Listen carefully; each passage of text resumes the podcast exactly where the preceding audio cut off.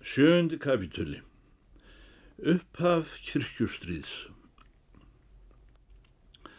Þessi tíðindi gerðust sem fyrr segir á túnaslætti snemma meðan nótt er björnt. Veður voru gæskufull með fórum þerrum en heldur þurft í rót á daginn og ofsamenn við heislátt voru komnir ofan fyrir allar aldir að berja tún sín meðan enn var blöytt á af áfalli.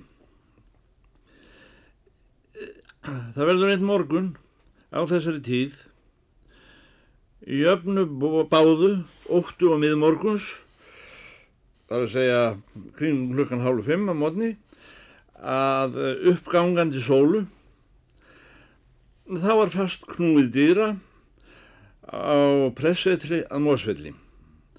Prestur og fólk hans var þá í værum svefni.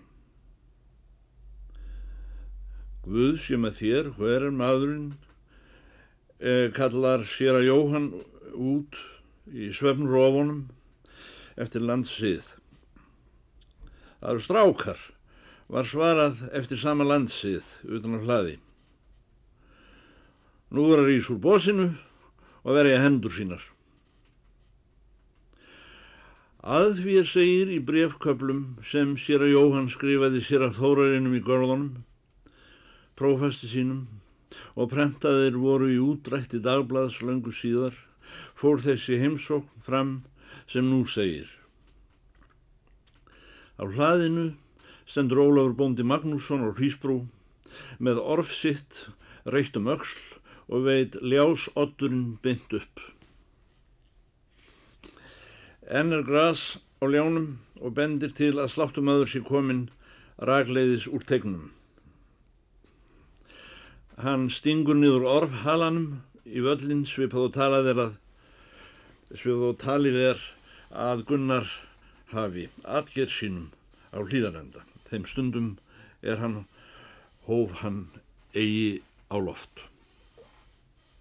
Nokkur utar á hlaðinu og nær sáluhlýði stendur bóji sonur hans sem gerst hafiði skjaldsveitn föður síns í þessari för og hafiði hrífu í hendi, heiguga um tindana því hann hafiði verið að raka ljá eftir föður sinn í túninu þegar báðir fengu æðra kall.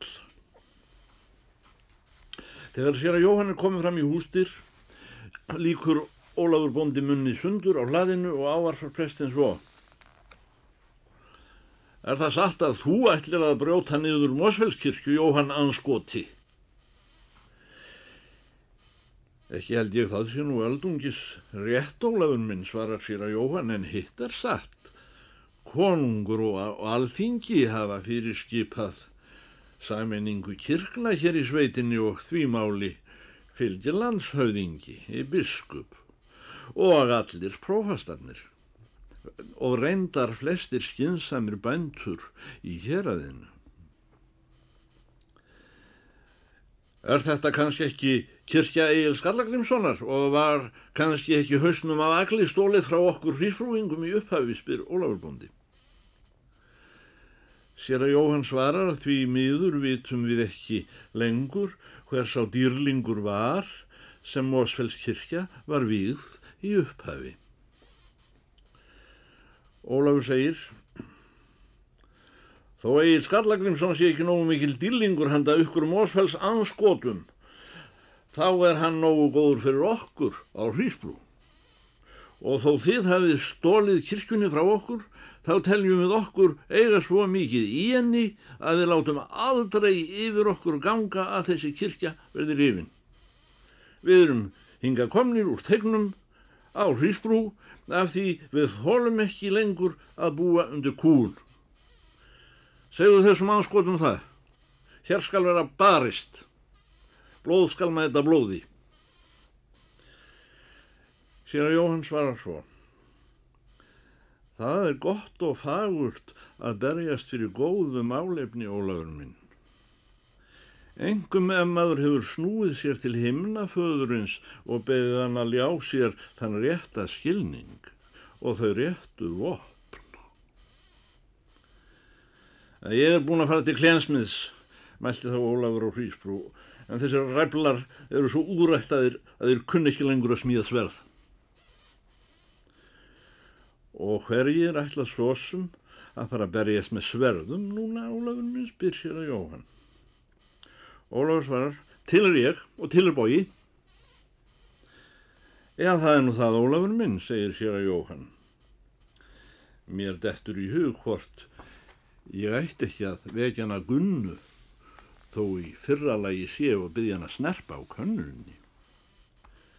Þá segir Ólafur, heldur þú og þið anskotar að Egil Skallagrimsson frændi minn hafi farið að drekka kaffi þegar hann var í Víðahug. Því að nú er að miður að ég á ekki öll eins og Egil var vanur að drekka, segir sér að Jóhann, en gott kaffi er gott ef það er gott. Síðan byður sér að Jóhann gesti sína að doka við andartak og harfinn í húsið. Að svipstundu líðinni kemur unglingstúlka, vinnukona pressins fram í dinnar, Guðrún að nefni Jónsdóttir, nokkuð fá klætt og spyr hvort gestinn vilji ekki hunskast inn í eldús og drekka nærbuksna skolp hjá sér. Guðrún þessi Jónsdóttir og óskilgetinn en sögð komin út af Steffensennum var þá um tvítugt og þótti rör manneskja í sveitsinni svo á unga aldri sem á æsíðar. Nú skal sagt til bráðabyrða frá þessari stúlku. Hún var fjallmyndaleg stúlka, eins og farðir að segja nú á dögum.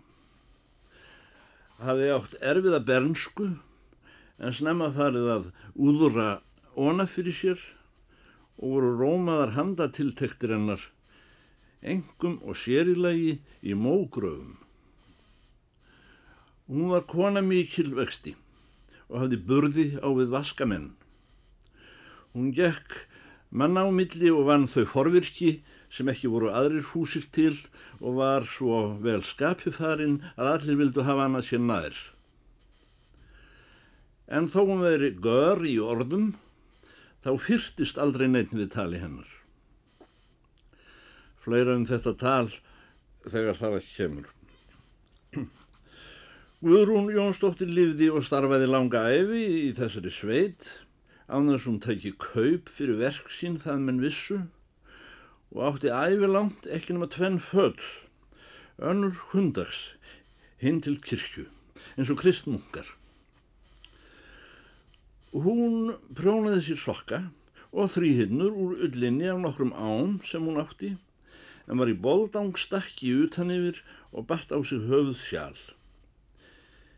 Kirkjupilsið var úr vaðmáli sem var litað svart en klæðispeysan hennar var fín þó man ég ekki til að hafa séð konuna með slifsi sem annars var skildugt við e, svo kallar stakkpeysur. Einstöku húsbendur gáði henni lamp og hún heiaði handa þeim sjálf og kom þeim fyrir á bæjum þar sem hún átti innhlaup. Þegar framliðustundir egnaðist hún rauða meiri. Hún var raun og veru kapitalisti því hún var aldrei vistráðinn en talin lausakona. Sá titill eh, hafði ávæning af sérstöðu þó hann væri kannski ímyndaður. Hún var að minnsta kosti frjálskona. Fleira um konu þessa bráðum. Hvað eru þið að vafra með orfstöðana ykkar upp í dýragettum hjá fólki um miðja nætur, skefnurnar mínar, sagðist Guðrún Jónsdóttir hafa sagt við þá þegar hún var spurð um þessa heimsókn, löngu síðar. Gestinnir voru nú sestir í eldúsinu og farin að býða til kaffinu. Við erum að hugsa um að útvöða þér mann, segir Ólafur Karlinu þá. Og hvaða mann skræfa er það nú, garmurinn minn, segist Guðrún Jónsdóttir hafa sagt, hvaða kallmanns mynd ætla að fara að eiga svona belg eins og hann að gunnu stóru? Já, svo sem hann bói litli þarna, segir Ólafur. Og það ætti nú að vera óþarfi að koma með ljá til þess, segir Gunna. Ég er nú bara með hrífu, segir bói. Ljánum hans föður míns var ekki heldur stemt að þér gunna mín. Hafðu sæl sagt að auðmingin minn, þú skal þó aftur í botlans í gunna. Ólafur, það dugir ekki að hann hafa þessa anskota undir aga. Mér hefur allt henn gefist það best við Mósalspresta. Anskota hætið þú hefur af þeim nefnið síður hrættir. Ég fann þeir voru óskufegnir að fá kaffi snæpurnar að ranna, saði Guðrún Jónsdóttir, löngu síðar þegar hún var eint frétta af þessum atbyrðum. Þeir sötruðu upp úr einn tveim spilkomum af þessu sulli mínu og það snorlaði í þeim. Ekki þökkuðu þeir þó fyrir sig á eftirn ég báða hils í bæin. Þeir sögðust verða halda á með að slá túnin að rakt væri rót kynda skamminnar. Guðrún Jónsdóttir fylgdi þeim til dyra. Hún spurði, hafið nú ekki glemt neinu greiðin mín? Þeir önsuð ekki. Orfið stóð með ummerkjum í vellinum og ljárin uppi þegar þeir komið frá kaffinu. Ólafur kiptiði upp og reytið það um öksl en að þessu sinni var ljás oddurinn niður. Síðan snýruður heimleiðis.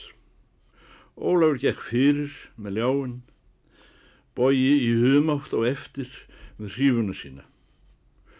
Hurfu fyrir bæjarhólinn og nýgirið. Áttundi kapitúli. Guðfræðileg skemmti för. Þennan sama morgun, upp úr venjulegri fótaferð hér aðsins, reið sér að Jóhann á stað að sapna undirskriftum um sameining kirkna. Hann hefði sammælst við sóknanemdarformansinn Kolben í Korlafyrði. Sér að Jóhann talaði sent og var nokkuð dimrataður eins og rödd úr djúpinu en Kolben í Korlafyrði hafi á hraðbergi kállegar smásögur hlómen að allir nema sér að Jóhann. Verður nú sem títt er þegar slíkir öðlingar fara á fjörurnar við menn að fátt verður um ansvör hjá sveitungum og eru flestir þess sinnis að græða erindið þeirra. Sér að Jóhann taldi um fyrir mönnum og saði þurr orðin þreyttur að setja kongsjörð eins og mósfellið með skildum, kvöðum og öðru ónæði sem því fylgir að vera brauðbítur yfirvaldana. Hvað nú hafa fest kaup á lágafellinu þar sem kirkju átti að reysa eftir vilja konungs og alþingis og landshauðingja og, og biskups. Já, og vonandi einnig drottins sjálfs, auk skynsamra manna í þessu byggðalegi.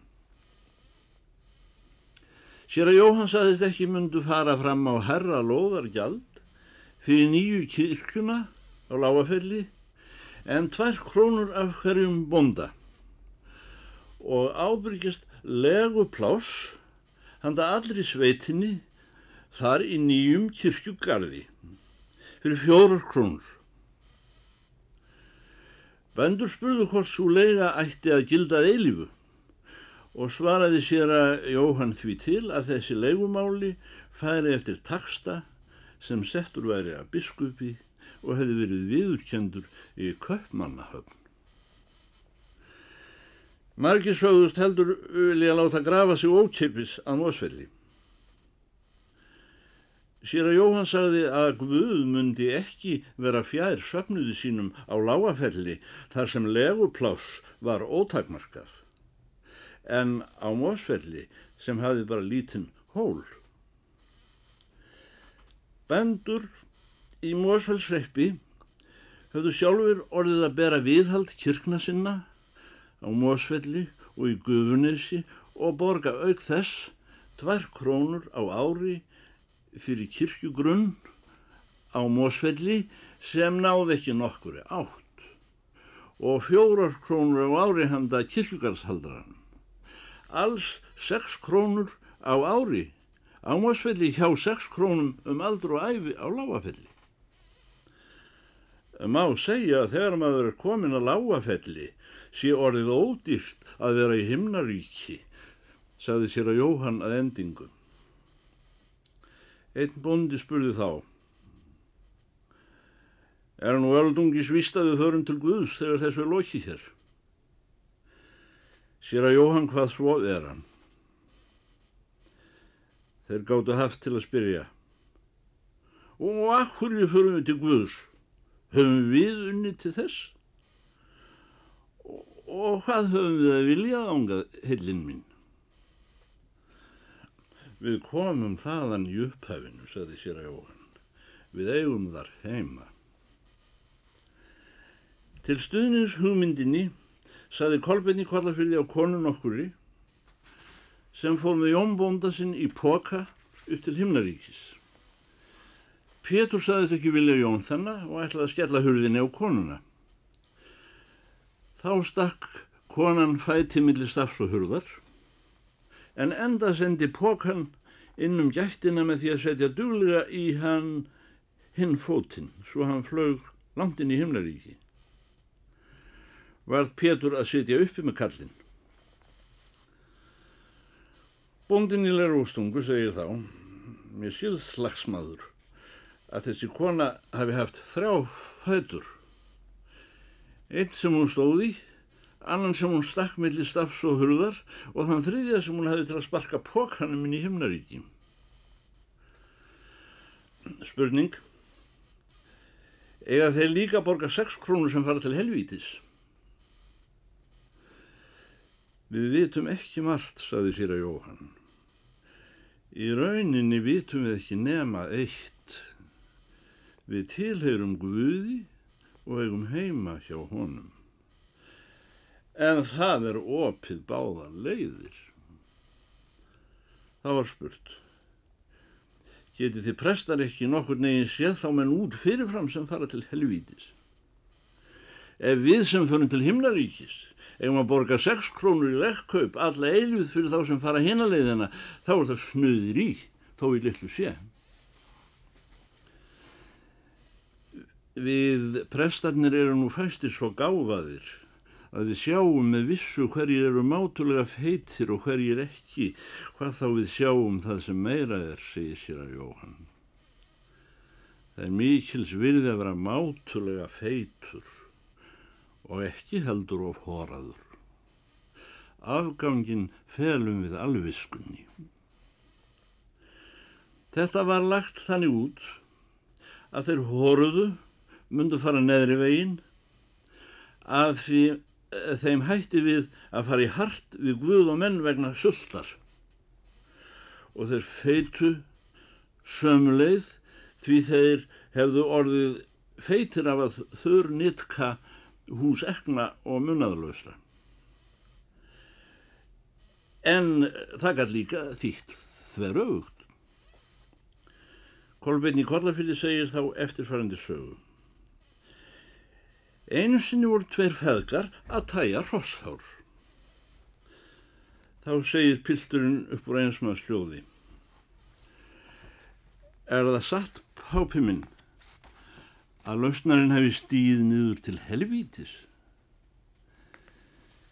Ég veit það ekki, segir Karlinn. Prestarnir er eitthvað að segja það. Við skulum ekki gefa um það. Við skulum vera að tákla rosshárið okkar.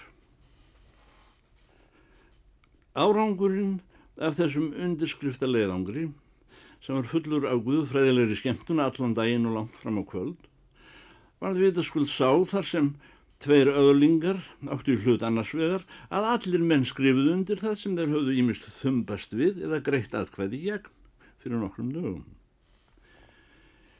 Einstökum aður skrifaði undir með þeim fyrirvara að saminning kirkna myndi vonandi ekki verða fyrir eftir nokkur ár þegar þeir með veru dauðir sem nú lifa og sögðust setja hér nafn sitt í þeirri vísa von að brátt færi nú að líða að þessu. En hvort vekja var að allir vissu nú að kyrkja þeirra stóð höllum fæti gagvart vilja Guðs og manna og horki orðinni eðar máttu sín gegn sköpum sem ofan greindri kyrkju voru búin. Það mýkti hörku örlaga dóms að heyra á fortölur góðramanna í málinu og þurfa ekki að hlýða valdbóði. Hitt var meira vafamál, hvort sá var nokkur er þar liði nafnsitt undir af raukum skynseminar. Kolbin í Kollafyrði hefur líst í brefi heimfur sinni þetta kvöld, er þeir sér að Jóhann hafðu hvaðst eftir afreg dagsins. Ég reið sem leið liggur yfir skriðuna um kvöldið og, og um á hrísbrú, skrifar hann. Hrísbrúingar stóð á hlaðstjettin og voru að dittað ambóðum.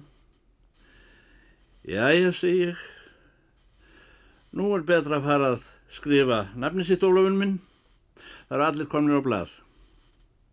Ólafur segir. Ég hef aldrei skrifað. Skrif ekki og mun aldrei skrifa. Minn haus liggur á Mósfelli. Það er haus Egil Skallagrimssonar sem Mósfells prestar stálu. Sá haus skal aldrei brotna. Og hvað heldur þú bói minn? Heldur það þú skrifir ekki? spyr Kolbent sóknarformaður. Bói svarar. Ég teimundur honum föður mínum ef hann skildi þurfa að skreppa á bæi.